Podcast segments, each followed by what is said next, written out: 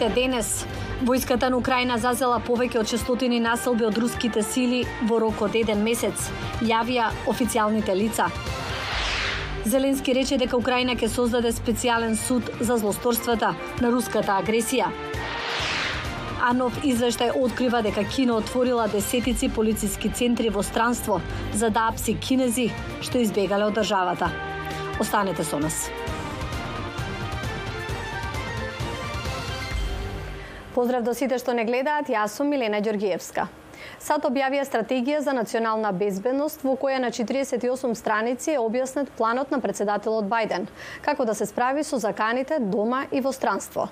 Стратегијата ги издвојува Москва и Пекинг како авторитарни сили, кои представуваат закана за меѓународниот мир и стабилност. Во исто време со стратегијата излезе и нов извештај кој предупреди дека Кина отворила десетици полициски центри во странски држави. Еве ги деталите. Ова е видео што го објави канцеларијата на обвинителот на градот Лишуи во Кина. Локалните кинески агенции во Шпанија најдоа осумничен кој се бара за загадување на животната средина дома. Во така наречениот странски полициски центар во Мадрид, тој е испрашуван онлайн од страна на полицијата во Кина – Веднаш до нив седи член на семејството на осомничениот. Во видеото до обвинителот се вели дека осомничениот бил убеден да се врати дома да се соочи со обвинението. Ова е вознемирувачка нова тактика, вели Лора Харт, која авторка на извештајот на групата за човекови права Safeguard Defenders which basically means like threatening, harassing family members. Што во суштина значи закани вознемирување на членови на семејства и роднини дома, за така наречениот бегалец, како што велат тие, волонтерски да се врати во Кина. Шпанија потврди дека го истражува инцидентот. Кинеските власти се фалат дека помеѓу април 2021 и јули 2022 година убедиле преку 230.000 кинески државјани, од кои повеќето живеат во Југоисточна Азија, да се вратат дома за да се соочат со кривични обвиненија. Извештајот забележува дека Кина отворила најмалку 54 полициски центри на пет континенти, согласно слободно достапните официјални документи.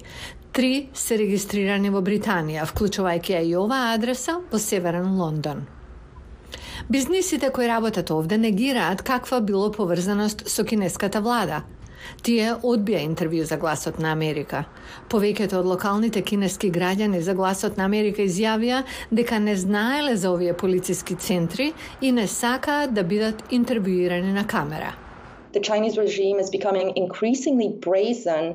Кинескиот режим и неговите институции стануваат се побесрамни, спроведувајќи ги овие нелегални активности низ светот, дури и без да ги сокријат добро. Еднакво загрижувачки е и фактот што демократските влади очигледно не се многу свесни, дури ниту загрижени, за тоа што се случува на нивна територија, спротивно на нивниот територијален суверенитет. Британската влада за гласот на Америка рече дека која било странска држава што оперира на територија на Обединетото кралство мора да ги почитува законите на Обединетото кралство, но не потврди дали спроведува истрага. Фин Лао добро ја познава долгата рака на Кинеската комунистичка партија. Како лидер на протестите во Хонг Конг во 2019 година против Пекинг, тој бил баран од полицијата поради што избегал во Британија. Потоа, во 2020 година, на улица во близина на неговиот дом во Лондон, тој бил нападнат од три маскирани мажи, кои, тој е убеден, работат за кинеската влада. I don't really feel safe in London. Не се чувствувам безбедно во Лондон, особено по речиси смртоносниот напад. Бидејќи со години имаме многу кинески опоненти и демонстранти од Хонг Конг кои се следени или вознемирувани на различни начини од кинеската комунистичка партија. Во имейл до Гласот на Америка, кинеската амбасада во Лондон рече дека извештајот на Safeguard Defenders е епидемија на спекулации и лаги, додавајќи дека Кина целосно го почитува судскиот суверенитет. Украинскиот председател Володимир Зеленски рече дека Русија испраќа илјадници мобилизирани лица на фронтот без значителна воена обука. Зеленски рече очекува дека мобилизираните руси ќе можат да преживеат во војната барем неколку недели, потоа ќе загинат и потоа ќе бидат испратени нови на фронтот. Но таквата употреба од страна на руските генерали за нивниот народ како топовско месо овозможува да се создаде и дополнителен притисок врз нашите бранители. Зеленски исто така рече дека Украина ќе создаде специјален суд за злосторства за руската агресија врз Украина и ќе обезбеди функционирање на специјален механизам за размена, така што Русија ќе сноси одговорност за оваа војна. Зеленски ги повика украинците да бидат особено внимателни за повеќе можни руски напади на 14 октомври, кога земјата го одбележува денот на бранителите на Украина.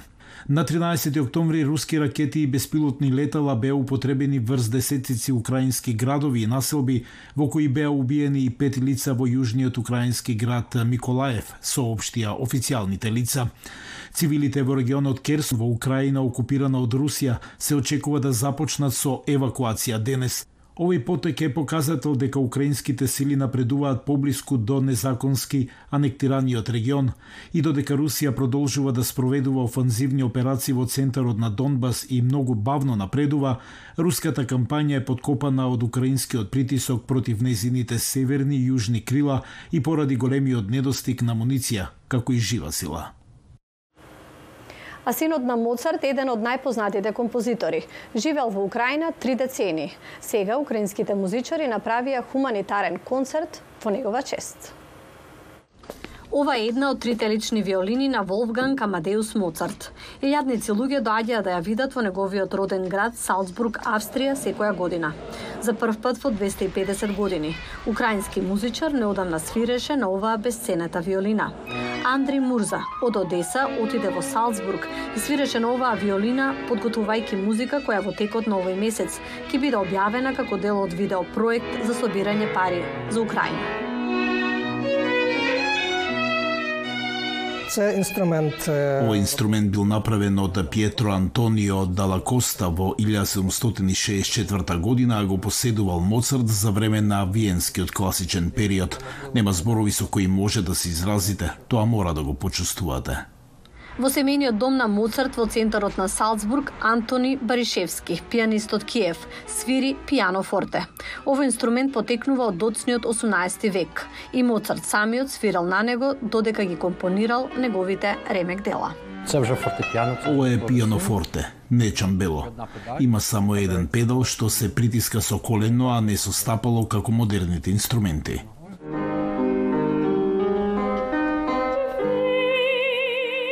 Овие уникатни можности беа организирани од Моцартеум, организација стара речиси 200 години, која постои да го штити делото на Моцарт.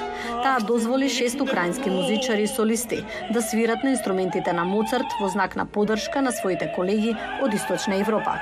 Сето ова е дел од Лавов Моцарт, фестивал во чест на најмладиот од шесте деца на Моцарт, Франц Ксавер Волфганг Моцарт, кој живеал во Лавов 30 години, во време кога тој бил главен град на Галисија, неголемата провинција во Австриската империја.